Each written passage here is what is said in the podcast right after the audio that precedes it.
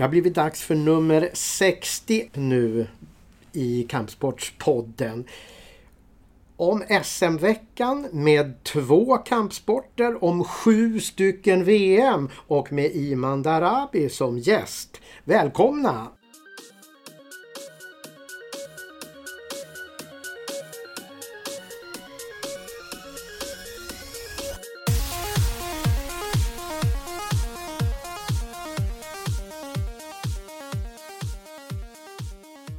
Jonathan, SM-veckan i slutet av den här månaden erbjuder plats för två stycken kampsporter. Eh, och det är två stycken med framgång kan man verkligen säga. Armbrytning total succé och jujutsu mycket succé också med, med, med, med svenska guld. Eh, vad har de att erbjuda vinterdelen av, av, av SM-veckan? Nej, men mycket tror jag. Eh, framförallt så ska det bli kul. Jujutsu har ju varit med förr. De har i och för sig varit med på sommarveckan, eh, tror jag. Nej, de har varit med på vinterveckan också. Eh, men eh, armbrytning har ju inte varit med förr. Så där blir det kul för idrottsrörelsen att få en ny kontakt med en ny, med, med en ny idrott. Och eh, armbrytarna är ju härliga. De, eh, de, de, eh, de kommer synas och höras och eh, de kommer framförallt att bjuda på väldigt fin idrottsshow. Så det ska bli kul. Det man också kan säga är att använda ordet slugt Därför att det är ju Luleå som arrangerar och det är ju inte så himla långt från ensamheten där, där många har ju uppfattningen om att det är därifrån svensk armbrytning kommer. Så att den, den connection som finns där då är, är ju smart. Ja, ja, verkligen. Och sen är ju Storuman, eh, som inte heller ligger så värst långt därifrån, är ju en av kampsport, eller eh, eh, armbrytningens allra största nästen. Så, och kanske det största nästet överlag. Så att, ja absolut, det finns eh, alla möjligheter för att det ska bli ett sprakande SM där. Och lite spännande är det ju hur, hur armbrytarna tar sig an den där utmaningen att vara med på SM-veckan när man nu har Heidi Andersson och att tillgå och andra från eh, den här så i sammanhanget kända orten ensamheten. Absolut. Du har ju Fia Reisek till exempel eh, som ju vann dubbla VM-guld här eh, i, i, eh, i fjol. Och du har ju en drös eh, medalj, eh, andra medaljvinnare eh, så att säga på stora internationella mästerskap. Så att armbrytningen kommer garanterat att, att bjuda på hög kvalitet och det kommer vara roligt att uppleva SM där tror jag.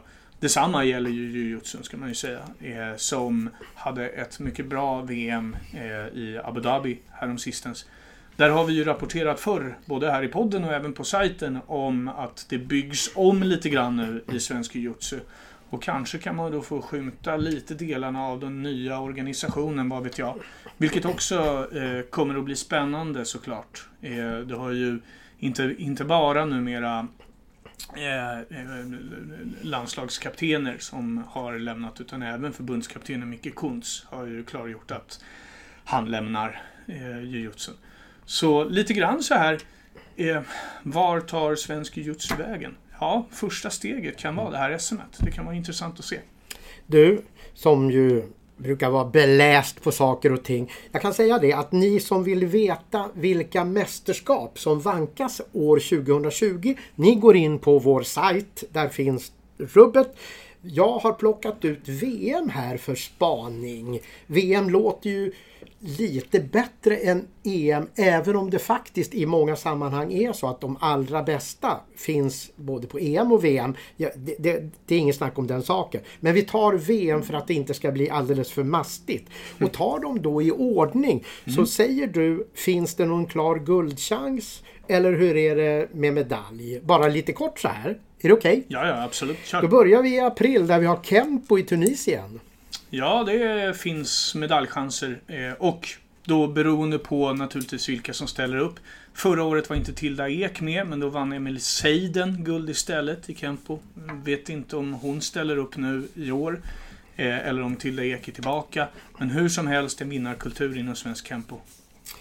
I maj BJJ i USA. Eh, absolut. Eh, Elina Moestam. Det ska bli väldigt intressant att se vad hon tar vägen någonstans med, med eh, nu, nu svart bälte då, som vi rapporterade om i förra podden. Eh, och eh, hennes, eh, eh hennes eh, andra hälft kan man säga, Max Lindblad, ska ju också bli jätteintressant att följa. Så att, ja, jag tror att eh, bin eh, har stora medaljchanser, absolut. Kyokushin i Japan, också i maj. Det blir lite mera... Eh, eh, vi får se helt enkelt vilka som tar plats dit eh, eller inte. Eh, det, eh, det som man kan säga är ju att vi hade i alla fall två medaljer på eh, Kyokushin-EM.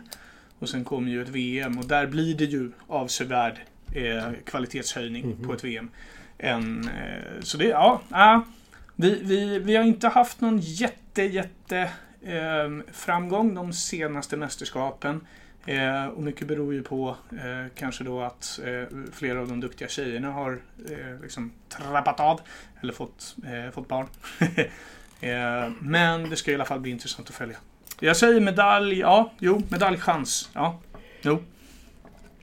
Får vi något guld den här gången är ju frågan när thaiboxarna ska göra upp i Abu Dhabi. I juni. Ja. Vi får guld. Hur är det då? Vi har ju varit inne här när det gällde SM-veckan på armbrytning. Det var ju monumental succé senast. Hur blir det i USA i september? Ja, det blir svensk lekstuga igen, skulle jag tro. Eh, alltså Sverige sätter ju på något sätt standarden lite grann i, i armbrytningen också. Det, det, alltså, ja, nej, det kommer jag, jag har svårt att se att liksom, den svenska eh, skövlingen av, av medaljer ska ta slut. Det, det, nej, jag kan inte se det. Utan snarare så vi får nog vänja oss vid liksom, monumentala svenska framgångar på armbrytarsidan. Thaiboxarna ska ju till Abu Dhabi i juni. Jujutsu Fighters ska till Abu Dhabi i november och där handlar det ju om vilka kommer eller inte också va? Ja absolut. Eh, och som jag var inne på lite förut. Eh, det blir spännande att se vad det blir för organisation som sätts eh, nu under året. Det är ju viktigt. Vad, vilka coacher kommer in här efter Rob Hans och Martin Ingholt? Eh, vem tar över efter Mikael Kuntz? Herregud, den, den grejen. eh, och sen eh, är det ju lite så här, vad, vad händer med Fredrik Widgren? Vad händer med William Seth Wenzel? Eh, hur ser det ut med de unga mm. som har stått och, och, trampat under en tid här och, och pockat på landslagsuppdrag? Vi har ju Fanny sett Wenzel, lilla systern, som är otroligt spännande. Och ja, nej, det, det blir eh, medaljer absolut. Och avslutningsvis då, även i november, men i Bahrain, MMA. Ja, mycket spännande. Mycket spännande. Ett, eh, alltså, ett, ett IMAF då, alltså eh, MMAns eh, världsorganisation kan man säga. Eh, som verkligen vuxit. Som verkligen tagit steg år för år och som eh, är, är också speglar av sig i kvaliteten på mästerskapen tycker jag. Där, där det hela tiden har höjts och hela tiden nåtts nya... Eh, man, man når nya platåer hela tiden. Det ska bli väldigt intressant att se vad Sverige skickar för landslag till Bahrain överhuvudtaget. Skickar vi ett starkt landslag, ja, då blir det medaljskörder. Det vet vi. Sen guld, ja, vi hade två i fjol. Mm. Mm. Så ja, jag säger medaljer där också. Så på sju mästerskap så, så har, vi, har vi nog konstaterat här att om, om det inte händer någonting särskilt med att, att, att de allra bästa skulle hoppa av så kommer det finnas stora medaljchanser i minst sex. Du var ju mest eh, eh, tveksam kring jujutsu med tanke på att du inte visste vilka som skulle komma med. Men när det gäller guld så har du inte varit stensäker på så att vi kan inte säga mer än tre va? Ja, men jag är ju en eh, alltså, erkänt usel tippare. Så mina, mina, mina tippningar ska man ju ta lite med en nypa salt. Eh, och jag tänkte att jag ska, eh, om, om, om jag liksom lägger mig lite lägre i år än vad jag brukar göra, så kanske det ger med sig att det blir ännu bättre år nästa år. Men Eh, normalt sett så ska ju Sverige plocka eh, eh medaljer i samtliga de här sju mästerskapen. Och har Sverige ett bra kampsportsår, ja men då blir det åtminstone sju guld. Eh, då blir det guld i, i varje de här idrotterna. Som sagt, jag säger det igen. Vill ni veta vilka sporter som förekommer det här året, även Europamästerskap alltså. Gå in på sajten så finns det där. Och nu Jonathan får du väl fortsätta. Sådär, ja, jag har en spaning. Jag kan inte riktigt släppa min spaning från förra spaningen, det vill säga motorikkursen vi hade med Dean Creellars. Så vi har lånat in en röst här, en extra röst. Magnus Ledin från kansliet som jobbar som eh, projektledare kan man säga, för motorik. Absolut. Ja. Välkommen till podden. Ja, tackar. Ja, du har inte varit med här förut. Nej, ja, det gillar man ju. Höll jag på att säga. Men eh, motorik och framförallt den här kursen med Dean Criellars. Eh, eh, vad, vad kan du säga om den? Precis, vi hade en fördjupningskurs i motorik, physical literacy, i eh, lördags, eller förra lördagen, 25. Eh, första gången vi körde den än, en åtta timmars utbildning i, eh, av fördjupad physical literacy. Eh, för både de som har gått introkursen tidigare men också lite andra människor som var där. En lyckad helg, Mm. eller lyckad lördag. Det var många kampsporter där ute. eller? Massor. Ja, hur många? Vi var väl runt en cirka 50 stycken. Ja. Mm. Vad har ni fått för eh, respons från, från de som var där? Då? Ni, Mycket positivt. Många, många som var där som var väldigt nöjda. Ehm, både med, med din och eh, teorin och det prakti- praktiska. Ehm, utvärderingen är utskickade. Vi får väl försöka göra en sammanfattning av det senare. Mm. Men eh, tendensen och det jag har hunnit läsa av är väl att de är nöjda. Vad fick ni för respons av din då? Eh, väldigt, väldigt positiv. Ehm, han, ehm, han sa att det, var, det är ovanligt med så många kompetenta och välformulerade frågor och frågeställningar och bra diskussioner kring, kring literacy. Så ja, det var bra. Mm, härligt. Eh, när vi ändå har dig här eh, så vill man ju liksom grilla lite till. Mm. Eh, det vill säga motorik eh, och projektet. Vi går in på, är det tredje eh, verksamhetsåret nu? Ja, Ja. det blir det. Vad kommer vi kunna skönja för Mm. saker som händer nu då? Nu har vi ju under tvåårsperioder kört då introkursen och sen fördjupningskurs nu. Vi har nu under höstterminen kört kampsportskolan eh, som är ja, ett koncept där man då får lära sig olika rörelserika le- lekar kopplat till kampsport. Eh, och nu då finns det då ett projektstöd i IF att söka till kampsportskolan. Så då kommer fler föreningar kunna ta del av physical literacy eh, genom kampsportskolan. Spännande. Det här är projektstöd IF är ju det gamla, är det inte så om jag uppfattat det rätt? Eh, Det gamla idrottslyftet mer eller mindre. Ja, Så vi har liksom fört in en sån möjlighet då för föreningarna. Precis. Har det börjat Ehm, ticka inåt? Jag är lite intresserad. Ja, men det har kommit in lite ansökningar. Ehm, I övrigt så fortsätter vi att köra introkurser ehm, för de föreningar som vill göra det, så det bör höra av sig. Vi kommer också inom, vågar aldrig säga riktigt eh, när, men det kommer en e-learning kring physical literacy inom Oh. kort. Oh. Så. gillar man. Det är väl eh, där vi är just nu. Ja, trevligt. Vad, vad blir det mer för någonting under året då? Kommer det Ja. några mera större grejer som kanske någonting du inte riktigt kan prata om än, men finns det något att droppa lite sådär som våra lyssnare kan? Nej, ja, nu får, nu får du kolla in på hemsidan så länge, får vi se vad som, händer, vad som händer. Strålande. Bra. Tack Magnus. Ja, Och då är det dags att presentera dagens gäst.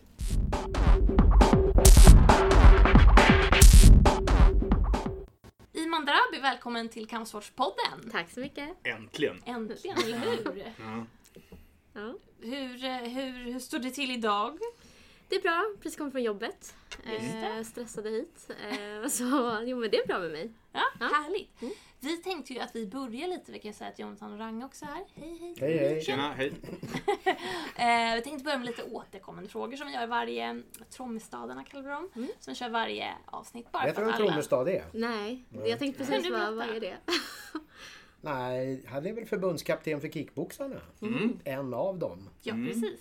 Precis. Så han kommer lite med ett förslag om att ah, man kan inte ha lite återkommande frågor ifall man inte har helt koll på den man intervjuar, den som intervjuas. Så att alla ska få en möjlighet att snabbt lära känna personen som sen Så ska... du norpade helt enkelt namnet Ja. till ja, frågorna. Jag satt Precis. vid kickboxarnas bord på en kampsportgala. Okej. Och då så frågade jag helt enkelt om han hade några synpunkter på podden och då så hade han just den här idén att ställ samma frågor till allihop så får man se liksom om man kan få någon bild av personen. Det kan man ju ibland få mycket mer av löjliga frågor än, än sådana här klassiska journalistfrågor. Då vet du vad som kommer. Okej, så de andra frågorna är löjliga, det här är lite mer seriöst. Nej, tvärtom.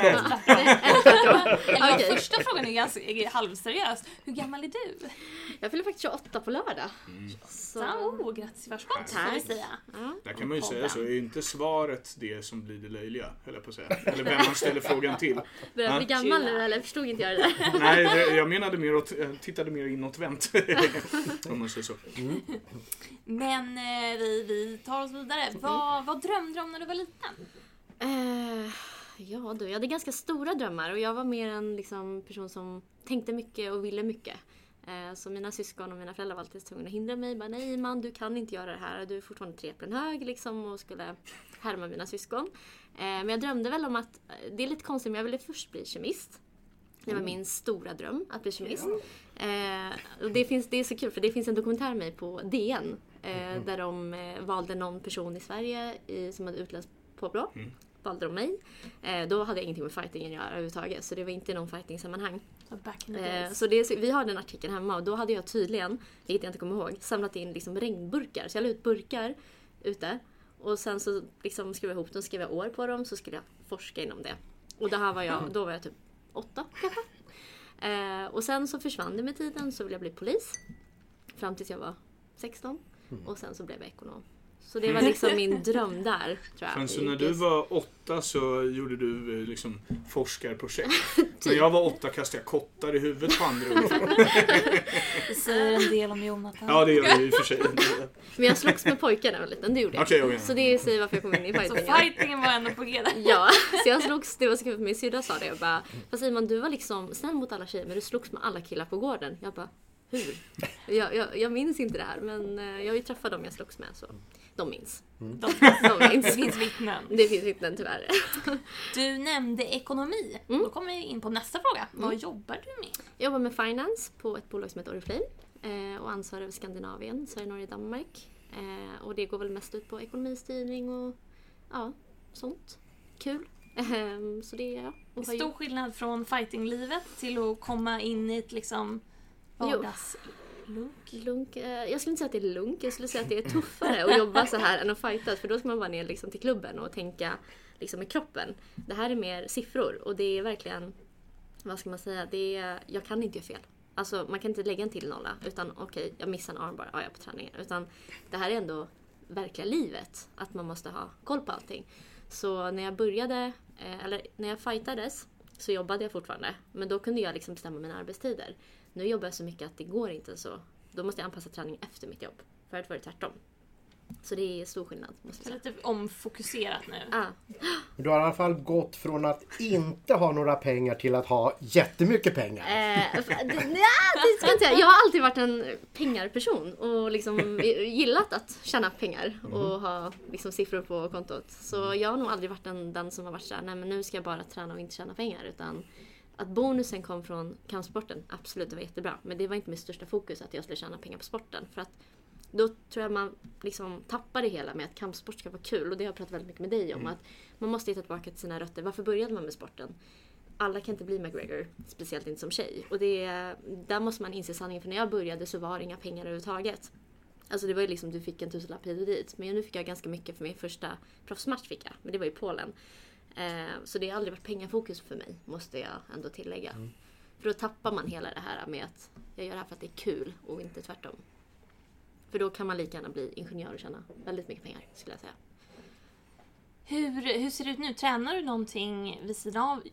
Nu du nämner att det är långt mycket tid till jobbet. Men, Mm. men tar du ner till någon typ av träning? Eh, jo, men jag gymmar ju. Går till eh, gymmet på Sats. Så det är väldigt, nu har jag blivit noga med att det är ändå hälsan som är viktig och då måste man liksom träna kroppen. Men jag kör även jiu hos Altan på Sats och får, har brunt bälte Eh, och vill ha mitt svarta. Altan, hörde du det här? så, svarta. Nej men det, man behöver träna ganska länge för att få det och man måste vara redo. Jag vill inte heller vara en sån person som blir ka- kallad för du fick det svarta bara sådär. Eh, vilket många blir kallad för tyvärr. Jag vill förtjäna mitt bälte. Och Altan är från Hiltetiden och där fick man jobba för att få sina bälten. Så när jag fick mitt bruna så jag var så här, det var på fan tiden liksom att jag skulle få det här. jag kanske skulle ha fått det för några år sedan liksom. Men eh, det är det jag gör och liksom, jag försöker fokusera på att liksom, må bra istället än att liksom, på ett annat sätt. Finns det någon annan idrott du skulle vilja testa? Eh, ja, alltså paddel har ju blivit väldigt känt, eller populärt. Så jag har sagt att någon gång ska jag ta mig dit. Men då tror jag att jag kommer kasta racket på någon istället. Så där ligger kampsporten kvar. Så, men typ, Fokusera på bollen. Ja precis, det blir lite annorlunda. Men, eh, nej, men det är typ klättring har jag varit intresserad av att gå och testa liksom. Men jag är inte så intresserad av att gå och köra MMA.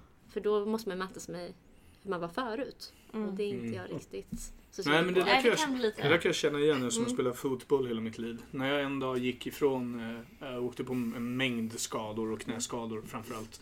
En dag eh, la jag bara tröjan på, på planen och sa till min tränare att du får ringa någon annan som står i mål. Nu räcker det. Och sen har inte jag satt min fot längre på en fotbollsplan. Ja, det är så. Det Och- blir lite så. Ja. Man Ja. verkligen- Alltså det blir svårt att gå tillbaks till att... In, eller det känns omöjligt att gå Ja. tillbaks. Och att inte heller komma in Nej, jag måste bli bättre, jag måste bli bättre, jag vill tävla. Precis. Nej, men Ja. jag kan verkligen förstå den känslan att, eh, att man går tillbaka och så blir man liksom Om du hade gått tillbaka till MMA så blir du liksom Iman Darabi, MMA-proffset. Jag har gjort det, jag har gjort det, jag har gjort det. Precis. Men sen kommer man tillbaka efter några års uppehåll och så är man liksom bara en vanlig idrottare. Men det Exakt. kan man aldrig bli tror jag. Nej, Utan man är liksom, det, det är svårt det där. det är jättesvårt och i alla fall gå ner till den punkten igen och bara shit okej, mäts jag med det gamla jag hade? Och det gör jag absolut inte. Jag har ju gått ner 12 kilo sedan jag fightades. Och det är ju inte samma person. Jag skulle inte ens klara av att sparras med någon tror jag. Alltså MMA. Just MMA-sparring, det skulle vara jättesvårt för mig. Ja, Jag men vi börja med testar padel. Vidare, vidare, Vidare, vidare. Eh, rött eller vitt? Rött. Finns det något du är orolig för? Ja, att dö. Och det har jag inte varit tidigare. Men det har jag ju liksom en bakgrund för, tror jag. Men eh, det är något jag är orolig över. Att jag inte ska vakna upp en dag. Kanske kommer lite med åldern när man börjar Ja, det kanske är det. tänka och hålla på att säga. Ja, det, det låter jättehemskt men det är, jag är lite orolig att jag inte ska vakna upp en dag. Liksom. Mm. När man har allting framför sig. Nu dog en jättekänd idrottare, basketspelaren där. Mm. Och det är ju också så att en dag så har du inte det där längre. Och det är jättehemskt. Mm. Nu blir jag jättedyster här men... Nej, Ja, men det nej. tror jag är något som vi alla kan oroa oss för. Igår på eh, match mellan Södertälje Kings och Luleå Mm. så körde de precis före uppkast 24 sekunders ovation. Okej. Alla stod upp och applåderade i 24 sekunder. Det är så länge man får anfalla i basket. Ja. Så att eh, det, det, har ju, det där, har- hans död har ju verkligen Mm. liksom blivit worldwide. Att, att alla angår. Men samtidigt, det, det är lite läskigt på något sätt att, att det är olika värden på olika människors frånfälle. Mm. Det- Man, man förstår ju, men ändå är det lite olustig känsla. Mm. Att, att liksom att, eh, jag- jag tänker på det var ju ett år när Claes Ingesson och Pontus Segerström, två fotbollsspelare, dog ungefär i samma veva. Och Claes Ingesson var i varje tidning och ingen sa något om Pontus Segerström trots att hans frånfälle hade ju gått på jättekort tid. Medan Ingesson hade ju varit sjuk jättelänge. Och då är det ju så att då, då värderas ju människor olika i ett sånt tragiskt ögonblick och det är inte så kul. Nej. Nej. Usch, det är ganska olustigt. Jag, jag tänkte en hel del på det där för några år sedan med döden och så. Jag tänkte ofta liksom att jobbigt om det bara blir svart helt plötsligt. Mm. Liksom. Eh, sen tänkte jag åt andra hållet. Men tänk om man inte skulle dö. Mm. Och så går man här hela tiden. Liksom. Det tar aldrig slut. Men då ska man inte Det åldras. finns inte ett slut. Man får inte åldras. Ja, men du åldras men det finns inget slut. Nej, då dö. Eller boktat. Det är så Båda, båda tankarna fascinerar mig lite men Ja. det skrämmer mig också. Ja. Nu går jag över till något lite mer lättsamt. till frukosten. Häller du upp flingor före eller efter mjölken? Alltså jag äter inte frukost så... Aha. Det, det svaret har vi nog aldrig fått förut. Vi har fått Anna, att, de, att folk äter annan frukost. Ah, nej, jag äter faktiskt inte frukost. Jag är jättedålig på det. Då är vi väldigt lika där. Jag har inte ätit frukost på flera år. Ja, det är så. Ja. Jag är så sur på morgonen så jag orkar inte ens äta. Så om någon ens ger mig frukost så bara ger de bling. Alltså nej. bara, låt jag, har, bara jag är så morgontrött. Ja. Så att jag prioriterar liksom... sova ut. Ja. Ja, sova ut. Vi fortsätter. Favoritsysselsättning vid sidan om idrotten? Det var en Eh, ledig dag. förut. Nej, Eller nu. nu. Nu. Eh, alltså jag älskar ju vin. Alltså det är livet. Det är, det är livet måste jag Det är säga. bra. hörru. Ja, vin och mat, det är stort plus. Men det med. favoritvin? Det, men ja. Ripasso skulle jag säga. Mm. Ja, bland annat. Eh, jag nice. gillar starka viner, inte lite mesiga. Så, Mm. eh, så ja. Amarone då? Amarone funkar. Ja. Det funkar faktiskt. Ja. Ja, men det funkar. Ja, det funkar. Det måste jag säga. Men italienskt står högst upp. Och det, så, och, det, och det som är så bra med det, det är ju att det finns ju... Nej, det finns ju inte billiga, det gör Nej. det ju inte. Men ganska billiga till jättedyra. Och då går vi på den dyraste tänker jag. Gör det? Ah, jag ska inte prata om pengar här. Men Om jag- man, får, man får välja om man slipper betala själv. Ja, det är sant. Det är sant. Vi fortsätter. Det är bästa tv-serien. Ah, du, du, du, du, du. Den här var svår. Men alltså jag var ett stort fan av Prison Break och Sons of Anarchy. Och Sons of Anarchy har jag sett kanske åtta gånger. Jag skämtar inte. Då är det, Är det så? jag Ja. bra. Oh. Jag tror jag kanske kollar för en anledning. Det finns en ganska snygg kille där. Han är snygg. Han är snygg. Uh, Dunham, eller? Eh, han är Gud, tänkt jag är dålig på namn. Eh, Varför har jag glömt. Char- Charlem Ha- Hamhammer eller Ah, någonting. Alltså han heter något sånt på riktigt. Mm. Nu kommer jag inte på vad han heter. Jax. Så, Ja, precis. där har vi honom. Där har vi den. en ruskigt bra serie. Mm, väldigt bra. Du snackade om mat. Mm. Eh, Din favoriträtt, har du någon där?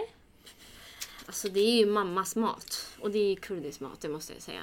Och när jag fightades kunde inte jag äta så mycket av det. Men nu när jag inte fightas ska jag äta massor. Vad är det då? Om du får Nej men det, det är mycket grytor. Det är mycket lamm och kycklinggrytor använder jag. Och riset är ju fantastiskt. Jag kan inte äta svenskt ris tyvärr. Men det blir för torrt. Det är liksom, vi har ju olja i liksom.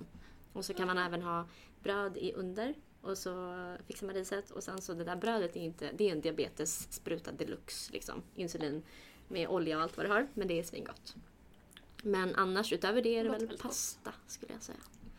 Pasta är gott. Lite italienskt tema där. Ja, lite så. Italiensk kurdiskt. Men svensk mat är också köttbullar är också jättegott. Mm. Jag kan tänka mig att du reste ganska mycket när du eh, tävlade. Mm. Men vart skulle du vilja resa om du får välja ett drömresmål? M- Mer semesterbetonat. Alltså det är ju ändå Maldiverna, måste jag ju säga. Har du varit där? Nej, Nej? det närmsta är väl Dominikanska som jag har kommit. Ja. Eh, I samma liksom tema. Ehm, Ser ju väldigt fint ut. Ja, ja. Nej, men jag tänker att den dag jag gifter mig ska fan tvinga min man ta dit mig. typ. Det, det, the honeymoon är redan, är redan klar. Men annars är det väl liksom drömresa. Ja, nej, det är Maldiverna. Nice. Om du var ett djur, vad skulle du vara då? Alltså, jag har två. En orm för att de är så jävla liksom snabba och liksom kan attackera sitt byte. Men jag gillar inte att man kallar orm för snä... Alltså, Ja. ni förstår, skitsnackare ja, eller orm. Ja, så. så orm är ju jävligt häftiga. Och sen så skulle jag vara typ en delfin och bara uppleva havet på något sätt. För det är inget, jag är jätterädd för vatten. Så det är ingenting jag vill uppleva själv. Så om någon säger här du får en dykarlicens så kan man den kan ta. Men eh, det hade ju varit liksom häftigt med en delfin kanske, eller en haj eller liksom bara få upptäcka vattnet. Varför är du rädd för vatten då? Jag höll på att drunkna när jag var liten. Så, Jaha. ja.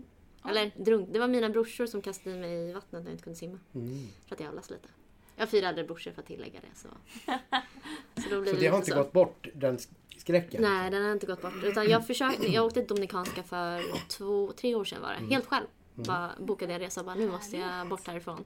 Eh, och så bara, nej men nu ska jag också lära mig liksom bli bekväm i vatten. Så hyrde jag en kanot. Åkte ut lite så bara, i helvete eller? Så åkte jag tillbaka. så nej, får man svära förresten? Eller ska jag får försöka? ja, Det är en öppen podd. Ja. Kanot är ju inte optimalt då. Nej, Det är ju tämligen lätt att kapsejsa. lite så. Eh, men jag kan ju simma. Det kan jag göra. Ja. Men jag lärde mig sim- simma ganska sent. Jag började lära mig simma typ när jag var nio tror jag. Mm. Så jag tvungen att gå på extra sim i skolan. Det var ganska deppigt. Gud, när brukar man... Jag har ingen koll på sådana här. Har man inte simning i skolan? Jo. Ja, det var kanske det. Ja.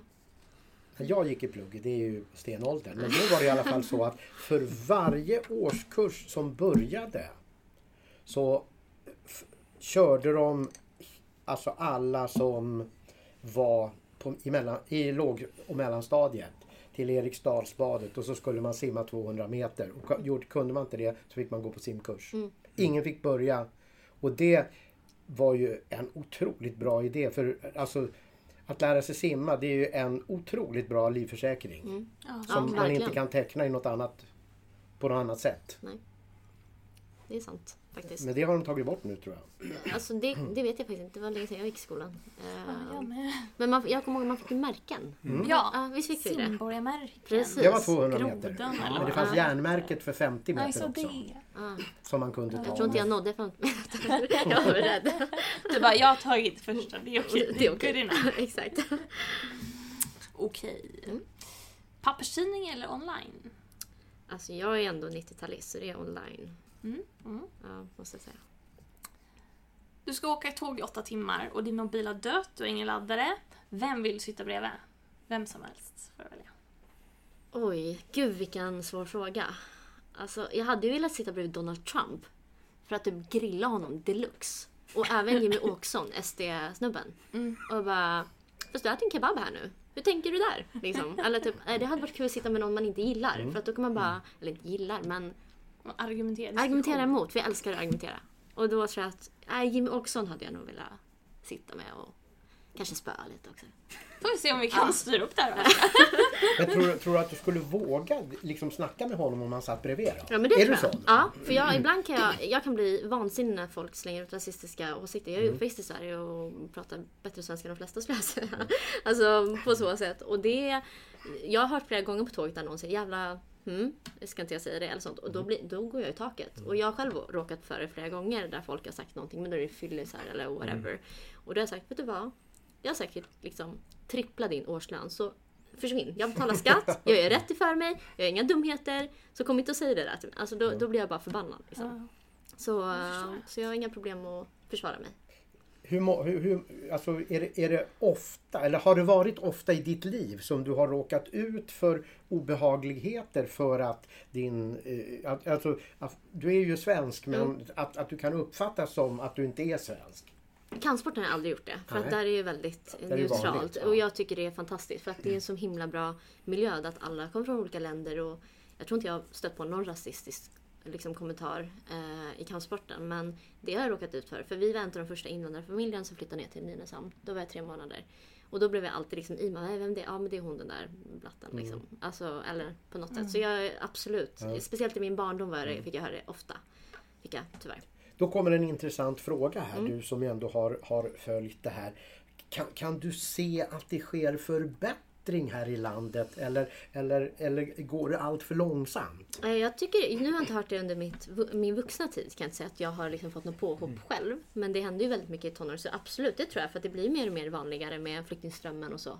Så mm, det tror jag nog att det har blivit en förbättring. Men sen så har det ökat med till exempel SD med takt. För att det är ju någon ostabil här i Sverige. Att det är ingen som tar tag i den här flyktingfrågan. Och SD är de enda som vågar lyfta det. Men då blir det väldigt extremt istället. Åt andra hållet. Så det är både och. Absolut. Måste jag säga.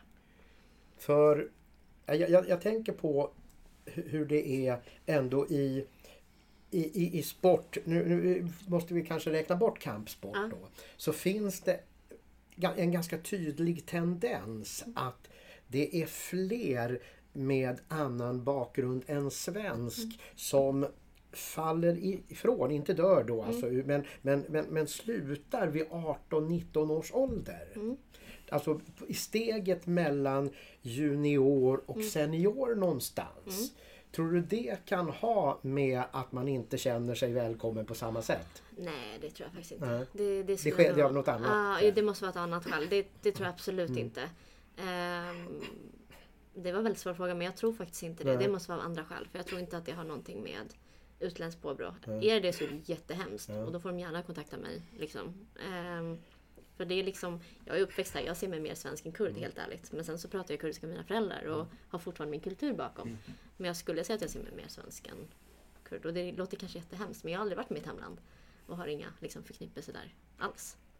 Men, Men- Iman, du har haft en eh, jätteframgångsrik idrottskarriär. Tack. Eh, och nu senast såg vi dig på, som programledare för AK Fighting. Mm. Eh, och du är även vår senaste medlem i Kampsportsgalans jury. Ja, Kan du berätta lite om det? Eh, vilken av dem? Eller tänkte jag först Kampsportsgalans Ja. jury. Nej men jag fick frågan eh, faktiskt om jag ville vara med i juryn och det tycker jag är jättekul för jag är ju inte, jag har alltid varit en person som aldrig har varit partisk för någon klubb. Jag har alltid liksom sagt att alla klubbar är bra, alla gör sitt bästa. Och jag tror att där ni har tänkt på mig att, liksom att jag kan gå in med öppna ögon istället för att vara okej nu är Pancrase bäst eller Allstar bäst. Eller så här. Jag kan se liksom från idrottens perspektiv och liksom att de här personerna ser jag kämpar. Och vissa misslyckas, men de kämpar. Etc, etc. Så det, det är jättekul och jag känner mig hedrad att få vara med. Det ska bli väldigt spännande. Jag och the old people. Ja, men det var bra. Det behövdes sänkas medelåldern också. Du sa det. Exakt, sa det. du sa det. Eh, nej men det är jättekul. Eh, alltså, ju mer kompetens in i våra led, liksom, ju mer vi kan behålla kompetensen hos oss, desto bättre. Och det finns ju inget bättre än att ta in de som har varit med om, om, om liksom, saker och ting själva. Eh, som vet vad det handlar om, liksom, mer eller mindre. Och där, där är ju juryn väldigt bra sammansatt eh, med väldigt kompetent folk, skulle jag säga. Verkligen. Så det ska bli kul. Ja, Det ska bli jättekul. ju- Jurymötet är den 16. Ja, Februari. att Söndag. Ja, Klockan söndag. två. Söndag klockan två, 16 februari. Och efter det så vet vi vilka som blir nominerade till galan. Så det ska bli intressant. Då. Snart börjar allvaret med andra ord. Ja, Som jurymedlem. I år känns det nästan mer spännande än någonsin. Vilka som ska bli nominerade till och med. Mm. Ja, På något sätt. det För är väldigt att spännande. eh, det har ju funnits en tid när man hela tiden har tänkt att ah, okej, kvinnlig idrottare Sofia Olofsson. Det, det, det, det, är liksom, Absolut. då har man ju tänkt att man måste ha med sig någon rutten frukt och kasta om de inte säger Olofsson. Men, men nu är det ju jätteöppet alltså. Verkligen. Speciellt på tjejsidan. Vi Ja. har ju nu de som tävlade på EM. Elina fick ju svarta på, på podiumet. Och det är, vilka har vi med? Alltså vi har ju massa. Sofia har vi. Inte din Sofia Inte- utan inte vi. Sofia eh, Norderna tror jag. Mm. Ja, precis. Så det finns massor. Det finns väldigt bra tjejer. Bianca nu som vann Ja. VM. Det finns massa bra Ja. tjejer och jag önskar att jag hade de här när jag fightades för att det var glest om de tjejerna tyvärr. Men det är jättekul att tjejsporten växer nu. Ja. I alla fall på kampsportsidan. ja, och så har det ju sett ut i många år. Jag menar, det har ju varit eh, kvinnorna som har tagit flest medaljer eh, per capita om man säger så. Fast tjejer kanske inte har haft lika många platser i landslagen som killarna har haft. Så är det ändå tjejerna som har tagit flest medaljer. Eh, och i, i liksom thaiboxning, MMA och så vidare, där har det ju varit monumental svensk kvinnlig eh, liksom dominans, eh, mer eller mindre. Så att det är, är häftigt. Så det ska bli väldigt intressant att se vad ni kommer fram till. Ja, jag är sjukt spännande, eller jag är nyfiken på vilka som är nominerade och vilka vi kom fram till. Ja. Det ska bli jättekul. Ja, det ska bli väldigt spännande. Men du, Iman, kan du, du berätta lite om hur du kom in i liksom, kampsportsvärlden? Eh, Alltså det, det är en ganska Kom, alltså jag har ju fyra brorsor som jag nu nämnde och alla körde ju diverse olika sporter från thaiboxning till karate till taekwondo. Och det blev lite så att, just, vi är sju barn med en familj, jag är yngst och så har jag två systrar som höll på med lite mer tjejigare sporter. Så. Och mamma tvingade mig att köra balett, det var fruktansvärt. eh, det var fruktansvärt. Så, ehm, så Jag har också började- kört, det var fruktansvärt. det var På vilket liksom- sätt då? Men alltså, det, Tråkigt bara. ja och det är liksom, jag är en person som behöver röra på mig. Jag, jag får panik på att vi sitter här liksom, eller står. Utan jag vill röra på mig och att det händer saker. Så jag började på handboll då. Eh, och var väldigt duktig i handboll faktiskt måste jag ändå säga. Men problemet var att alla växte om mig. Så jag var ju alltid mitt nio. Och så okej, men Ima vi flyttade till vänster nio då. Så, så kan du köra där. Men så växte folk ännu mer. Så bara, vi flyttade till kant. Jag bara, jag bara nej, nej det här går inte för att det var så fruktansvärt tråkig position. Och bara, Aldrig, bollen kommer aldrig dit. Ja. Nej, och så måste man alltid vara den här som springer så bara hallå kan jag få bollen? Men den kom liksom inte. Så det var ju bara tråkigt. Så då, eh, då var jag, ja men jag höll på fram tills jag var 14 men jag började på taekwondo när jag var 9 redan faktiskt. Eh, och det gjorde vi lite i smyg för mina föräldrar bara nej man ska inte hålla på med kampsport så brorsorna tog med mig dit. Och så fick jag slåss lite, eller sparka var det då. Eh, och det var jättekul. Eh, men sen så, ja det var hur jag kom in på kampsporten. Men jag började inte satsa förrän jag var typ 16. 16-17 för då gick jag gymnasiet här på Söder. Eh, och då hade vi kampsport i skolan. 16 var jag då. Ja precis 16. Eh, så hade vi kampsport i skolan så man fick välja lite om man vill simma och så vidare. Och jag bara yes nu har jag chansen. Nu, nu, utan att mina föräldrar vet. Kör och sen så bara, nej men då tyckte de att nej men du borde gå till en klubb. Så de tränade så då började jag på VBC som det hette då. Wayne, ja, back in the time. Vallentuna boxning. Precis, och då höll vi till på Södermalmsallén. Gud, jag har inte tagit det, eller ordet i min mun på länge liksom. Men det var, då Det är började ju jag där. Kassra Chami och det är eh, Jörgen Krut, Jörgen Krut och, och- Jocke Karlsson. Jocke. Karlsson där, Magda var där. Magda. Vilka mer var där? Ja. Ja, det var the old, alltså the old gang, lite så. Rickard Nordstrand var också Nordstrand. där. Ja. Mm. Så det var ett väldigt roligt gäng där. Eh, men då var ju inte jag så mycket på thaiboxning utan jag var med på MMA och BI-sidan då. Som Valdo Zapata hade då. Som hette sen, ja men det hette ju VPC, sen bytte det namn till SPR. Precis. Har du tänkt på en sak? Tell me. Det kan ha varit en olympisk medalj som gick förlorad när du slutade med taekwondo. Nej. Alltså, Nej. Alltså, Alltså. nej. nej. är det så? ja, men det är en olympisk sport.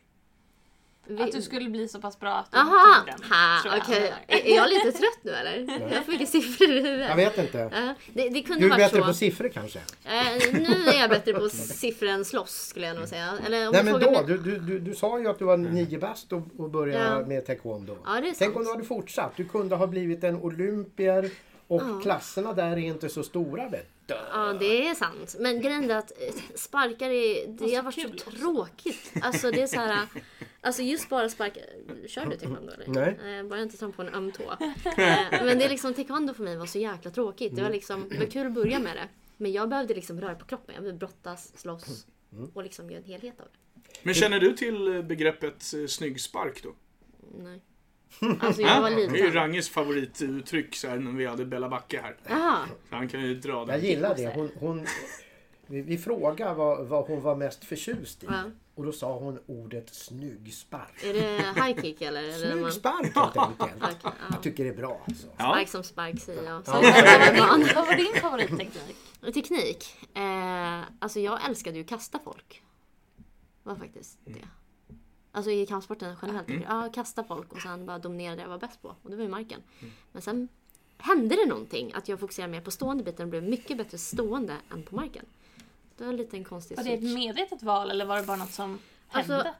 jag har ju alltid varit duktig, på, eller riktigt bra på marken. Och sen när jag liksom bara, nej men nu ska jag köra MMA på, på proffsnivå. Eh, gick min första proffsmatch 2011, 12, 11 tror jag det var. Liksom länge sedan. Ehm, och då kände jag att nej men jag är riktigt dålig stående. Alltså jag var en sån truck, jag bara gick framåt och vevade. Alltså det var så här, jag tänkte aldrig på så här, jag hade liksom inga som helst konsekvenstänk utan det var bara gå in och veva och så tar du ner dem. Typ. Eh, vilket kan funka, men inte om du kommer längre upp, tänker jag. Och då sa min tränare, du måste börja boxas mer. Och då körde jag på Djurgårdens boxningsklubb, gjorde jag. Eh, och även då eh, thai-sidan. Och då blev jag, som bäst blev jag när jag bytte till Pancras från Valdo. Måste jag säga. För då var det liksom mer ett helhetskoncept i MMA. Så här ska du tänka. Och Omar är väldigt duktig på striking just för MMA, skulle jag säga. Så då blev jag väldigt duktig på det. Men man såg alltid att jag ville hitta tillbaka till min tryggpunkt och det var i marken såklart. Ja. Men du, 20, ja, förlåt Hanni. kör Men på. 2011 där, Mm. eh, däromkring. Hur, hur, hur skulle du säga att kampsporten tedde sig? Hur, hur var den utsmyckad då på den tiden? Kontra Alltså- hur det ser ut idag kanske? Jag skulle säga att det var inte lika jobbigt att fightas som det är nu. För att nu är allting så himla mycket med sociala medier. Facebook, Instagram, du ska det ena och andra, du ska twittra. Och det blir sån stress på det.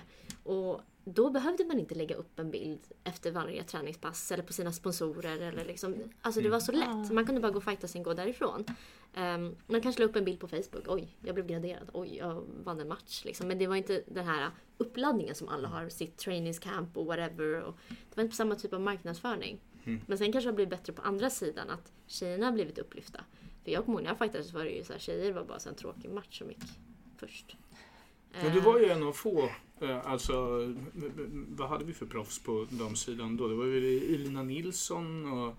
Eh, De, det var Elina och Hanna Selén som gick Hanna de första Selén, proffsmatcherna ja. i Sverige var det. Och- Eh, Valin Wennergren? Ja, hon nej, hon, började, hon, började, hon kom senare för hon var ju Ja. på Thaien. Men jag och Panni var de som Panni, började, som gick in i proffsen eh, efter Hanna och Elina, eller Elina måste det varit. Mm. Det var jag och Panni, Panni gör ju fortfarande. Eh, Gör det ju. Men sen så, sen kom Linn.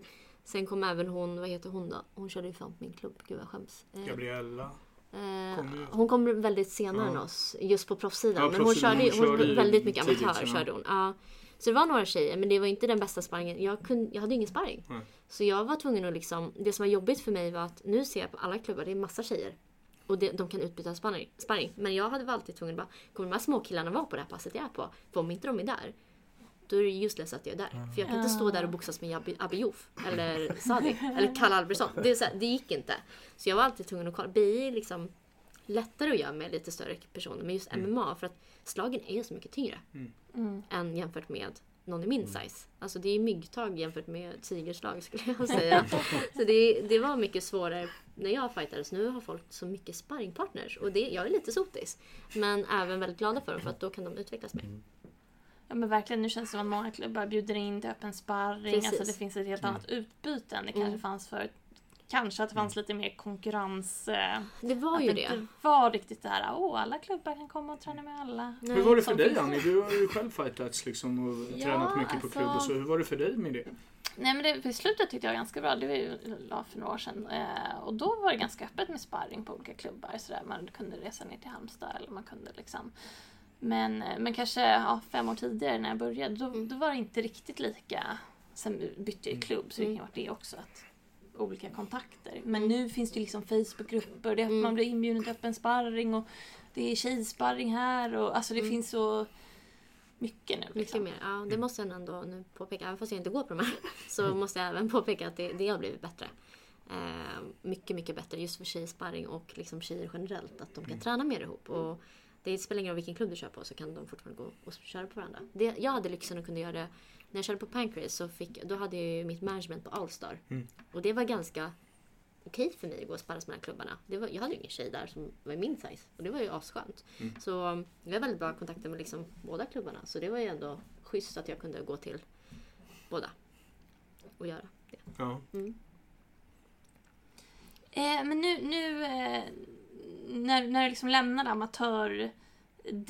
Mm. Hur, hur, var- hur var den övergången? Var det liksom, nej nu är, jag, nu är jag redo för proffslivet här eller? Nej men jag hade vunnit EM i BI var det. Nej, jo EM var det. Eh, I Nogi och BI. Och då kände jag bara så att nej jag vill inte rulla med den här jävla dräkten. Alltså du vet jag var så jävla trött på det. Och bara jag saknar att slå förut. Så det var ganska liksom. Och då körde vi på Djurgården. Eh, Djurgårdens kampsportsklubb som bytte till Kampsportsstadion. Mm. Något sånt var det. Ja. Eh, och då var det mycket thai och sånt. Jag var så här, och då ringde min manager som jag hade då, som hette Hessam. Eh, tror jag bara, Iman, nej nu måste du gå över till proffs. Jag bara, eh, jag har inte kört MMA på typ två år, men okej.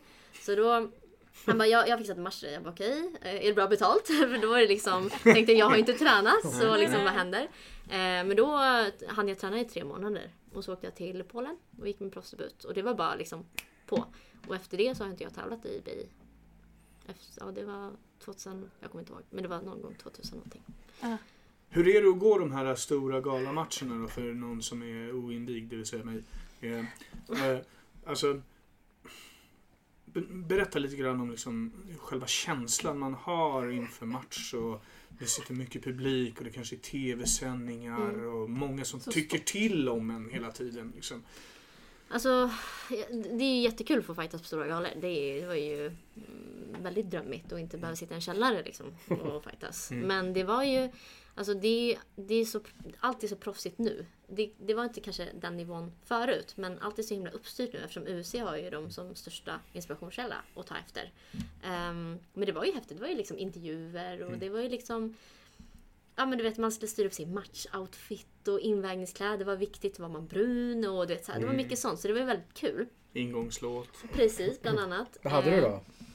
Åh gud. Eh, jag hade eh, I'm a hustler på min första. Mhm. Eh, andra hade jag California Love med Tupac. Tredje... Vad fan hade jag tredje? Jag kommer inte ihåg. Men min, och sen hade jag någon kurdisk låt hade jag också en gång och då stod hela Solnahallen upp. Eh, det var lite kul. Mm. Och det kanske förklarar också vilka publiken var. Ehm, många i min släkt. och sen så var det... Sista var till Beyoncé var det. Såklart. Såklart. Så det har verkligen varit upp och ner. Det Mm. så. Men jag är en liten old school hiphop tjej måste jag Ja. säga. Ja, Tupac, där kan man ju aldrig snacka för mycket om, eller på att säga. Nej, där kan vi fortsätta. Ja, ja, ja. Men hur känns det nu när du ser tillbaks på din MMA-karriär? Är det någonting, eller liksom din idrottskarriär, hur, hur, är det någonting du, eller hur går tankarna liksom? Nej, Men jag är väldigt stolt över min bakgrund. Det måste jag säga. Att det, det är ingenting jag skäms över. Utan det, är så här, det drivet jag har nu i min karriär som har idag har jag ju fått på grund av sporten. Tyvärr är jag väldigt allt eller inget, svart eller vit. Och det kanske all, de flesta kampsporter är. Och det tror jag att om jag har en deadline, då jobbar jag till 12 på kvällen.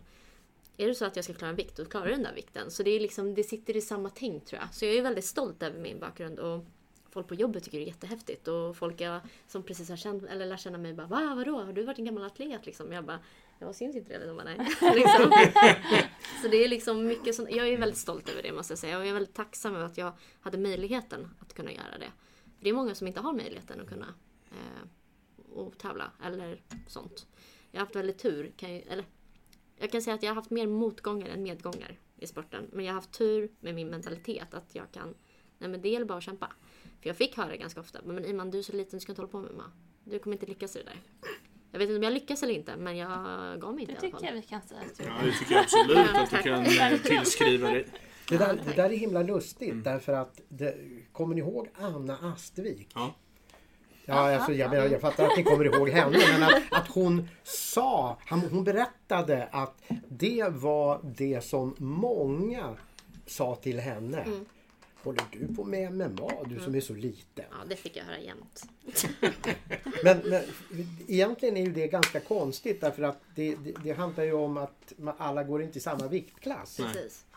Eh, och det är, det är ju ett otroligt tydligt tecken på okunnighet. Ja, fördomar rent av skulle jag säga. För att det är, jag menar, alltså, det, hur, ska man kunna se att någon håller på med någon idrott? Det är ju omöjligt. Alltså, Jo, det finns väl om du har som- öron som Alexander Gustafsson och en näsa Ja, som men då kan, man, Mandela. då kan man ju förstå att... Nej, det skulle kunna vara rugby också. Ja. Där true. får man också... Ja, okej. Ja, jag tar tillbaka det där. Ja, nej men det, det, annars är det ju liksom omöjligt att se på folk så här, alltså, ja, du är det och du är det. Jag menar, alltså, hur skulle du kunna urskilja om jag var pingisspelare liksom, eller om jag var kanotist? skulle vara den där Ja, det är- magen då Ja, som ja, indikerar att ja, man ja, ja. snarare är pingisspelare. Eller VM i ölriktning kanske. Rutan som jag brukar kalla det. En ruta. Ja, jag är stolt över min ruta. fast ett annat sätt. Jag är, stolt, jag är stolt över min ruta. Man ska vara stolt över det man har, men sen kan man förbättra. Så, nu försöker jag vara lite politiskt korrekt där. Vad menar du nu? Nej! det- Menar du att jag ska förbättra min Absolut ruta? inte! Det är om du vill förbättra dig. Men jag måste ju fråga också nu, du, du berättade att du håller på med bi fortfarande. Mm. Är du sugen någon gång på att tävla eller är det liksom det är Jag, avslutat? jag kan faktiskt inte tävla. Eh, jag får inte tävla. Så eh, ehm, jag känner inte riktigt att jag vill riskera min kropp för att tävla. Heller. För mitt psykes skull på något sätt. Eh, så jag känner mig klar och jag känner mig väldigt nöjd med det jag har gjort. Och känner att det finns ingenting som lockar mig där. Och pengar det har jag ju liksom. Och jobbar jag, jag har ju min familj, och vänner. Så varför ska jag riskera någonting? Tänker jag. Men du finns kvar i kampsportsvärlden. Vi sa ju precis att det är ju- du är ny jurymedlem här i Kampsportsgalans jury. Men eh, vi såg dig också som eh, programledare, kommentator, slash, eh, på AK Fightings gala. Eh, kan du berätta lite om det? Hur det var, det? Det, det var jättekul för att eh, Majdi Shamas som är, var min då manager när jag fightades eh, är en av delägarna på galan. Och vi bara pratade lite surr bara om så här, okej, vem ska vara kommentator på er gala? Så de bara, nej men det kommer vara Luke Barnett och någon annan, Brian tror han heter, några från utlandet. Så de bara, men gud, vi måste ha en studio!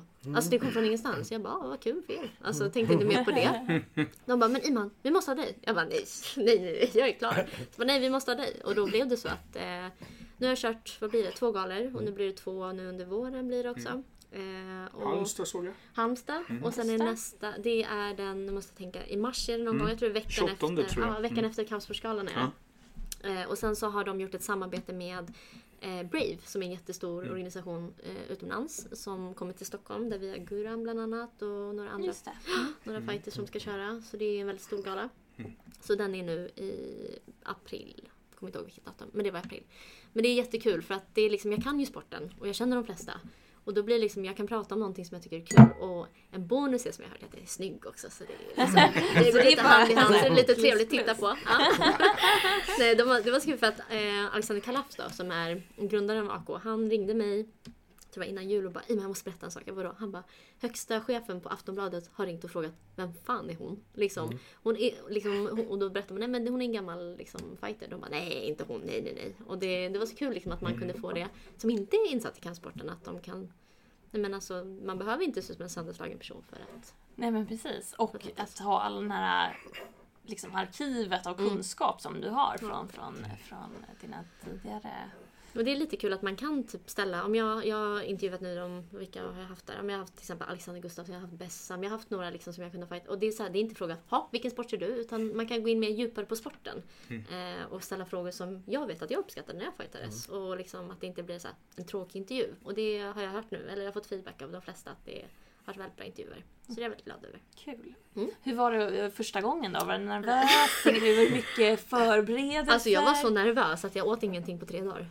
Alltså, ja, jag var så nervös. Och det var så här, du vet, det känns som att jag skulle fightas igen. Alltså det var så här, okej. Okay, du bara, jag måste gå ner i vikt. typ. nej, men det var så här, jag var så nervös för att det liksom, jag skulle ställa frågorna och jag bara, men vad ska jag ställa till de här? Och du vet, man var tvungen att liksom tänka för att mycket av det improviserar jag också under sändningen. Och liksom, om han svarar något måste jag ha en följdfråga till det. Och jag tror det är svårt om det kommer någon annan. För att det stod mellan mig och Laila Bagge eh, som programledare. Mm. Jag känner mig hedrad faktiskt att de valde mig. Eller så tog hon bättre betalt. Jag vet inte. Man vet aldrig. Och Nej, de tror... valde dig tror jag. Okej, okay, vad bra. Det är jag helt övertygad om. Ja. För jag tror inte Laila Bagge kan ställa de här följdfrågorna. Nej, jag tror inte det heller. Eller jag Knappast vet inte. de första heller. så det, nej, men det har varit jättekul och det är ett härligt gäng som, och man känner ju de flesta som jobbar runt AK och de är ett fantastiskt team. Så det är, det är bara kul att få kunna ge tillbaka till sporten som att sitta i juryn. Det är, jag tycker att det är kul att ge tillbaka. Man behöver kanske inte alltid synas men det är bara kul att ge det den kunskap man har. Och om någon uppskattar det så ger det mer, alltså, mer än gärna. Det är skönt också att den här rundgången av kändisar möjligen får ett litet motstånd någonstans. Mm. Att liksom folk som är, är, kända av någon anledning ska ju uttala sig om allt möjligt som de inte mm. har en aning om. Nej. Bara för att man, man räknar med att okej, okay, blir några blir nog intresserade av det för att de är kända. Men det där börjar bli så vanligt nu så det har ingen effekt längre. Nej. Nej. Att alla sådana här som, som är de här som säljer visar sig att de säljer inget vidare längre därför att folk är bara trötta på det. Så att det, det är nog ett otroligt rätt tänk mm. av dem att att liksom lansera någon ny. Och det visade ju det här Aftonbladet. Mm, mm. verkligen. Att, att, det, att det, är en, det är en bra idé liksom på något sätt att, att visa att och jäklar, här fanns det en tjej som, som, som kunde och som var alldeles utmärkt i den här rollen mm. istället för någon som inte kunde men var känd. Mm. Så det, det gläder mig mycket att höra faktiskt. Som... Tack. Jag är väldigt tacksam och väldigt glad över att de räknar med sig i sitt team. Och mm. att man får jobba med det även fast jag inte är så aktiv själv. Liksom. Så det är bara kul att få vara med och ge tillbaka. Det förstår jag. Men det, det är också, det, nästan är det nog så att det kan vara nästan nödvändigt mm. att man inte är aktiv fortfarande därför att då då har man ju en annan relation direkt till dem man ska prata om. Mm. Och vill nog ganska lätt klä sina kommentarer i bomull. Mm. För att nästa vecka kan vi stå mittemot varandra på gymmet. Mm.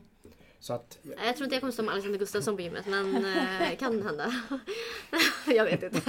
Nej, men, men jag förstår vad du menar. Jag menar. Att, Absolut. Att, att man, man har klivit delvis utanför familjen. Inte riktigt mm. men eh, inte tillräckligt mycket för att man ska vara distanserad. Men, men inte behöva känna det där att mm. ja, det är ju min familj det här. Mm. Så att det, ja, nej, men jag, jag, jag tror att det skulle vara himla bra om, om folk som tävlar inom det här departementets sporter mm eh, liksom togs tillvara i, i, mm.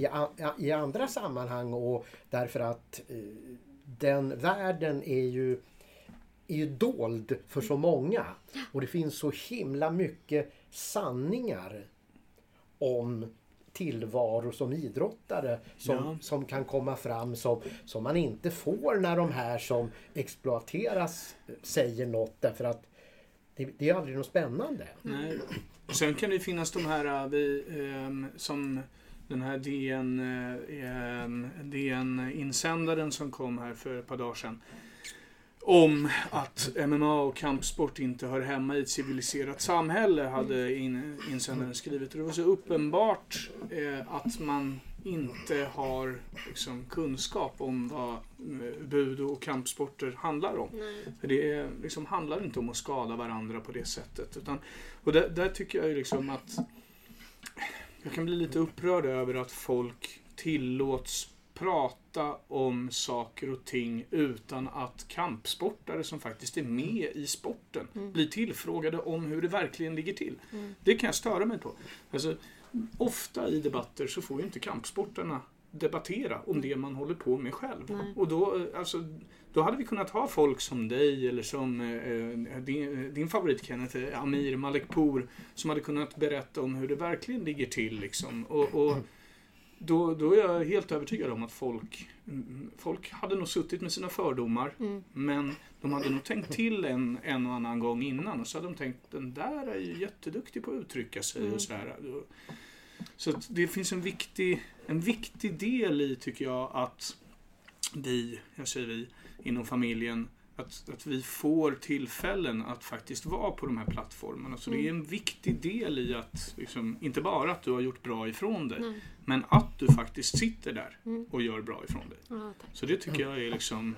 Är, Det som är lite tråkigt är, alltså jag måste ändå säga, eller tillägga att jag tror att kampsporten är den sporten där man lär sig mest respekt och liksom ödmjukhet. För du kan inte gå in på en klubb och vara kaxig mot din tränare, då får du fan stryk. Liksom. Och fotboll, jag vet inte hur kan, jo det är bara att kolla Zlatan liksom. Men det är liksom, kampsporten är, och det spelar ingen roll om det är mal, om det är bud, alltså det spelar ingen roll vilken gren det är. Det handlar om respekt. Det är nummer ett vi lär oss i sporten. Ja, det glöms ganska lätt bort. Ja, Eller utifrån. precis. ja, ja. Och sen att det blir fördomar mot det, absolut. Ja, det kanske är inte jättebra att ha väldigt mycket slag mot huvudet. Ja, men det är inte alla klubbar som går in all in på sparring. Utan det har man bara en kort period inför sin match. Och jag menar kampsport är så mycket mer än tävling här också. Ja. Det är ju inte bara...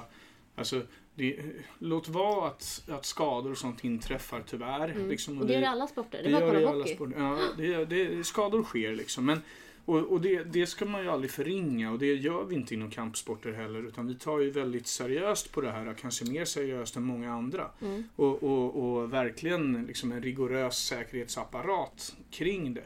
Men sen måste man också komma ihåg att om du då tycker att de här idrotterna hör inte hemma i ett civiliserat samhälle. Mm. Ja, men då, då måste man liksom gå till grunden, tycker jag, då, och titta på Okej, vad händer med alla då som inte ens får träna? Mm. Det är många kampsportare som inte har andra idrotter som intresse. Mm. Alltså, det blir en hel drös människor som kommer knalla runt i samhället och inte rör på sig till exempel kanske. Precis.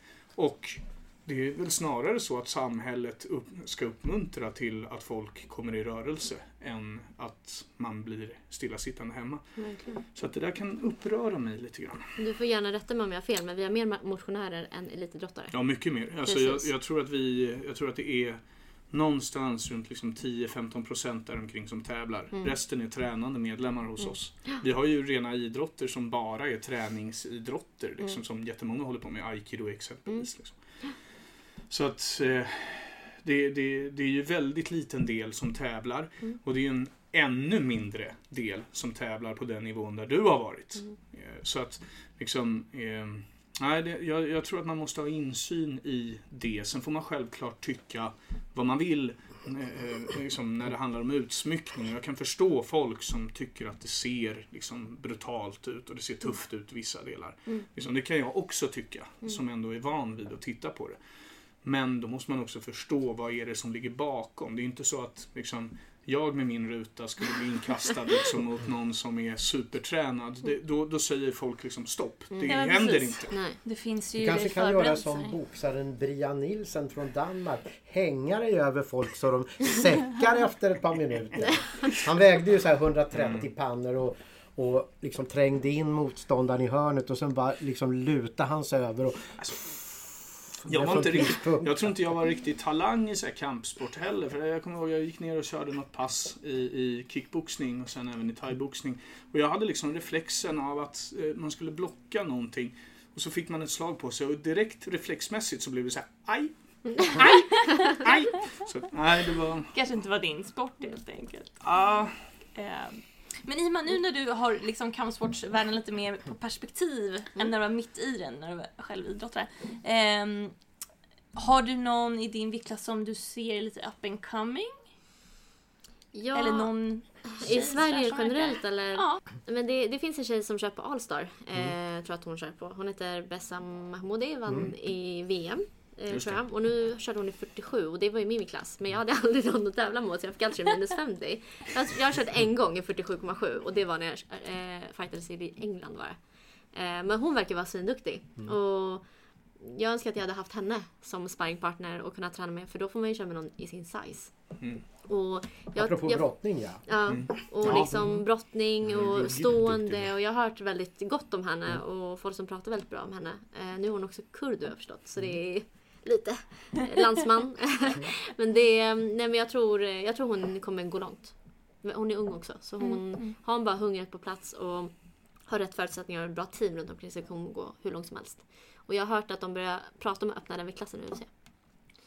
Ja, Faktiskt. det har vi också hört lite. Mm. Eh, Och det, så jag tror att hon kommer ha en bra chans där. För att de, de som är mycket i min viktklass är ju asiaterna. Det är ju det. Ehm, av förklarliga skäl liksom. Men eh, sen finns det några amerikaner också. Och det var ju mycket snack om att jag skulle gå upp till 52,2 var det i UFC. Om jag skulle gå med där. Att liksom, då fick jag gå upp i en viktklass. Men då skulle alla vara tre hö- alltså huvuden högre än mig. Och det var ju också så här, ska jag riskera det? Nej. Det är liksom, och då blev det prat om min vikta istället till exempel. Men jag tror att hon är en väldigt eh, stor talang här i Sverige och kommer gå hur långt som helst om hon fortsätter. Hålla ögonen öppna. Absolut. Ja. Nu känner inte jag henne så det låter lite konstigt. Jag har aldrig pratat med henne. Jag har bara sett henne på sociala medier. Spanar in. Mm, Hon ser bra ut. Ja, Det lite koll. bra. Hon är vass på marken har jag sett. ja, Ja, verkligen. verkligen, Ja. verkligen. Men hur är det för, för dig då nu i, i framöver? Vad har du för framtidsplaner? Jag tänker både kampsportsrelaterade men också liksom. Framtidsplaner i kampsport vet jag faktiskt inte. Det är, det är mest ta mitt svarta. Altan Selek. Eh, ehm, nej men det är väl, alltså jag vill ändå vara så här. Fortfarande hålla igång i min markspel. Det var ju liksom där jag började. Och hålla igång där. Ehm, och sen kanske göra mer sånt här jobb som programledare. Nu fick jag faktiskt en förfrågan från Gala i, ehm, som är väldigt stora i, ehm, i vad säger man, arabiska eh, länderna där som är väldigt stor och vi har några svenska fighters tror jag som kör där också. De ska faktiskt ha sin första gala i Kurdistan. Jag har inte varit där sedan jag var tre månader. Eh, och då trodde presidenten, känner min pappa, pappa är politiker och sagt liksom att Nej, men din dotter borde gå på vår gala. Hon måste ju köra här i Kurdistan. Hon, hon har väldigt mycket liksom fans här och, och folk älskar henne. Pappa, nej men hon fightas inte längre. De bara, va? Nej, nej, nej, nej, men hon måste gå match. Det spelar ingen roll om hon fightas inte. Pappa, nej, nej, hon kan inte fightas Det var liksom. sån comeback. Mm, men typ, det var, det var väldigt mycket snack om det och då sa han att ehm, eh, vad gör hon nu? Då sa hon nej, men hon jobbar lite som programledare. Ja men då vill jag ha som programledare här. Eh, och den här galan kommer vara i, i vår men nu är det väldigt mycket krig där borta. Eh, så jag vet inte ens om den här galan kommer bli av. Men de bygger en arena i den eh, Kurdistan Irak då. Jag vet inte om det är norra sidan blir det. Eh, så jag har fått frågan om sånt. Så det, sånt där är bara kul att få Ja, ge tillbaka. Ja, verkligen. Eh, Så jag är ju bunden till AK Fighting Championship då, som jag kommer vara programledare för. Mm. Eh, Och då nu eh, utomlands för att köra fritt. Mm. Eh, Så kommer frågor jag absolut. Så det är bara kul. Spännande. Mm. Men innebär det här att du inte får jobba åt några andra? Eh, nja, alltså i Sverige tänker du? Eh, nja, alltså tyvärr så är det ju väldigt mycket konkurrens mellan galorna här i Sverige. Tyvärr. Eh, vilket är tråkigt för alla parter, tycker jag. För att man ska kunna gå match så ofta som möjligt. Eh, Kanske inte för ofta för kroppens skull, men det ska fin- finnas möjlighet för speciellt tjejer. Eh, men jag har ju ett team i AK och då känner jag att eh, då är det där jag Okej. Kör. Och sen skulle absolut Superior ringa, men då måste jag ändå rådfråga med dem jag jobbar för. Liksom att, Mm. Är det okej eller inte? Så jag vill ändå vara ödmjuk där och jag vill inte heller vara den som blandar mig in i politik. För att jag håller mig gärna utanför det och det har jag alltid gjort under fightingen. Kan det vara smart. Varför då? då? Nej men jag känner bara att den här sporten är mycket mer än politik. Eh, Det är mycket ödmjukhet, respekt och det ska inte behöva finnas politik i en sån här sport för att vi gör inte det här. Det var samma sak med Resas match där som han körde en grappling-match, en comeback. Ja.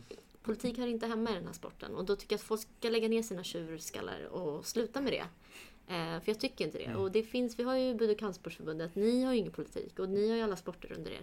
Varför ska det liksom vi bli... tjurar bara uppåt. Vi så tjurar bara mot insändare och sånt där. Ja. Men det är så tråkigt liksom när det ska bli så. För det förstör för så många atleter. När tränare har beef med varandra och så vidare. Och så vidare. Jag brukar säga så här att jag tycker att liksom, vi, vi har en jävligt kompetent eh, liksom klubb, vi har kompetenta klubbledare, vi har kompetenta ledare, Mm. vi har jätteduktiga idrottare och så vidare. Eh, och att man då lägger kraft på att tjafsa sinsemellan, det tycker inte jag ger så värst mycket. Mm. Utan det, det vore bättre, eh, nu förstår jag att det blir tjafs då och då, det är o, o, ofrånkomligt. Mm. Men det hade varit bättre om man lägger den tiden man tjafsar på sinsemellan. Mm. Det hade varit bättre om man istället kanaliserar det tjafstiden mot ja, politiker här i stan Mm. eller mot RF eller mot liksom, alltså någonstans där man kan liksom ta eh, sina, sin, sin, sin lilla frustration som man har och göra någonting bättre av den. Mm. Liksom. För att eh, det, det, det tar mycket tid liksom sinsemellan och ibland så kan det vara bättre att liksom, ja, jag menar, har man har man en, en, en sämre mediabild liksom av sig, eller man, media hör inte av sig. Ja, men lägg tiden, istället för att tjafsa sinsemellan, ta den tiden på att skriva ihop ett pressmeddelande. Skicka till liksom, Mm. eh, eh, ja, lokal media. Mm. Liksom, gör något kreativt Mm. eh, Man kan lägga sin istället. tid på mycket, mycket bättre saker Ja. tänker jag. Liksom. Och jag kanske är lite sur på Superior för de lät mig aldrig fightas för dem. Så, Mm. så Babak skäms. Så det var såhär, du är inte tillräckligt bra. Ja, okej, vi får väl se. Men annars så tycker jag liksom, det, det är, alltså överlag så, så är det inte så mycket tjafs. Skulle jag vilja påstå, inom Nej. våra led. Nej, Men jag- alltså just den där grejen som du är inne på. Det är ju liksom, alla säger det, vi är till för idrottarna och vi Mm. vill väl. Och, och det vill ju alla verkligen. Alla Mm. vill ju verkligen väl. Så det är synd när det blir lite, lite gnabb sinsemellan. Sen kan gnabb alltid vara bra också. Eller det kan vara bra också. Upp, Du är inte tillräckligt bra sa du att någon hade sagt. Mm. Om du får recensera dig själv Mm. som MMA-fighter. Mm. Hur bra var du då? Fem plus. Nej, det var inte jag. Eh, nej men alltså alla har ju saker att förbättra på och jag kan inte säga att jag var bäst på alla ställen men jag tyckte att i slutet av min karriär var jag som bäst.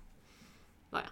Ehm, men jag vet inte vad man ska säga bra men jag tror absolut hade jag varit UFC så hade de fått det tufft. Om jag hade fortsatt fightas. Jag tror att om jag hade fortsatt Jag och Panny pratade om det för, förra veckan tror jag. Att om jag hade fortsatt fightas så vet jag, jag kanske jag var topp 10. Jag tror faktiskt det. Men jag tänker inte vara bitter och se det på det sättet. Utan jag gjorde mitt bästa när jag fightades. Ehm, och när jag, slut, när jag gick min sista match så var jag som bäst. Och min, eh, eller den bästa matchen jag gjorde var med min förlust med Simon Sukopo när jag blev träffad i levern. Faktiskt. Men du tycker att du var bra? Ja, jag tycker jag var bra. Ja. Jag tycker fortfarande jag är bra. Rätt svar. Mm. Vi har fått in lite lyssnarfrågor här. Mm. Som jag tänkte ta. Vilken kost kör du med? När jag fightades eller nu? Det är lite oklart från Eh. frågeställaren, men kanske både och. Eh, nej men när jag fightades var det väldigt, då blev jag sponsrad av en, en, ehm, en restaurang som hette Kalori slash local, de bytte namn. Och då åt jag väldigt nyttigt, alltså nyttigt, så att jag skulle kunna orka träna mina pass, tre pass om dagen eller två eller vad det var. Eh, så det var väldigt mycket lax och det var mycket rotfrukter och fokus mer, inte på vit, vad ska man säga, vetemjöl utan sånt där gluten och mjölk drack jag ju aldrig till exempel. Så det var en ren kost var det Alltså bra så att jag skulle kunna orka. Frågar du mig idag? Eh, för mycket vin. Eh, och eh, frukost äter jag aldrig så jag typ, ja det blir väl typ en sallad panini. Så du äter sämre idag skulle man Ja, kunna säga. Jag äter du- mycket sämre och äter... ehm, alltså jag borde ändå tänka på det. Men jag, det är inte så att jag äter skräpmat. Det tycker inte jag är gott faktiskt. Men jag äter inte den mängden kalorier och liksom energi som jag ska få i mig. Um, gör inte. Och det är lite fy skräp. Ja, vin och köttbullar är ju gott alltså. Ja. Ja, det är gott. Det går alltid att förbättra som du sa. Ja, precis. Det kommer bli bra. Men nu Ja. jobbar jag mycket så det har blivit utåt istället för Ja. uppåt. Ja. Du var inne lite där på sponsring och det var faktiskt Mm. nästa fråga. Kom in om du var sponsrad under din karriär och om det var lätt eller om det var svårt att få tag i spons. Eh, jag hade lite...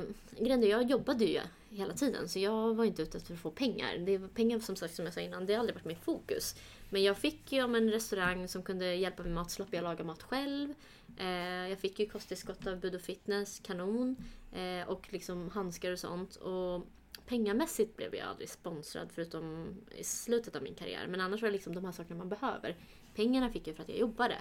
Eh, men liksom, det blir svårare om jag inte hade jobbat och bara var atlet. Då hade det varit mycket svårare. Så det var därför jag kunde köpa min första lägenhet när jag var 21. Så. Nice. Sista frågan. Mm. Eh, när du kollar på UFC, känner du eh, det här skulle jag kunna ha gjort bättre? Alltså man är ju alltid liksom, ja, ja absolut. Och vissa tjejer, jag fattar inte att de är i UFC. Jag, jag får panik. Jag blir såhär, vad är det här för standard UFC har? Tar de in folk för att de visar tuttarna? Eller vad är grejen? Jag får, jag får panik. Eh, men vissa tjejer är ju elitidrottare och de, all eloge och hatten av. Men vissa tjejer vet jag fan inte vad de gör där. Men borde det inte finnas liksom en, en, en marknad för en, en kvinnlig organisation i, i, i Sverige i liksom, kanske stående kampsporter? Alltså tanken har slagit mig faktiskt Mm. om jag kanske ska börja skapa någon gala. Men då blir jag konkurrent mot Aqua. Ehm, men det, det har såklart varit för att jag vet ju hur svårt det var att få matcher själv. Mm. Eh, nu är det blivit bättre för att jag liksom, det var svårt för mig att få matcher på den tiden. Det var jättesvårt. Men jag tror att marknaden är stor här för vi har väldigt många tjejer som kör. Mm. Det tror jag absolut. Men sen är det mycket planering bakom och den tiden har inte jag. Kanske får bli ett koncept vi kan eh, bolla Vi skickar ut det till lyssnarna. Ja, om någon som vill höra en gala Ja. Vill du sponsra med lite cash? så är det helt okej. Men hörni, jag tror att vi får eh, avsluta för dagen. Det börjar bli mörkt. Det börjar bli mörkt precis. Tack så jättemycket Iman för att du kom till. Kampsportspodden. tack själva och tack Ja, för att jag tack. fick komma. Tack. Vi ses på Cancerförsgalan. Det gör vi. Det gör vi. 21 mars.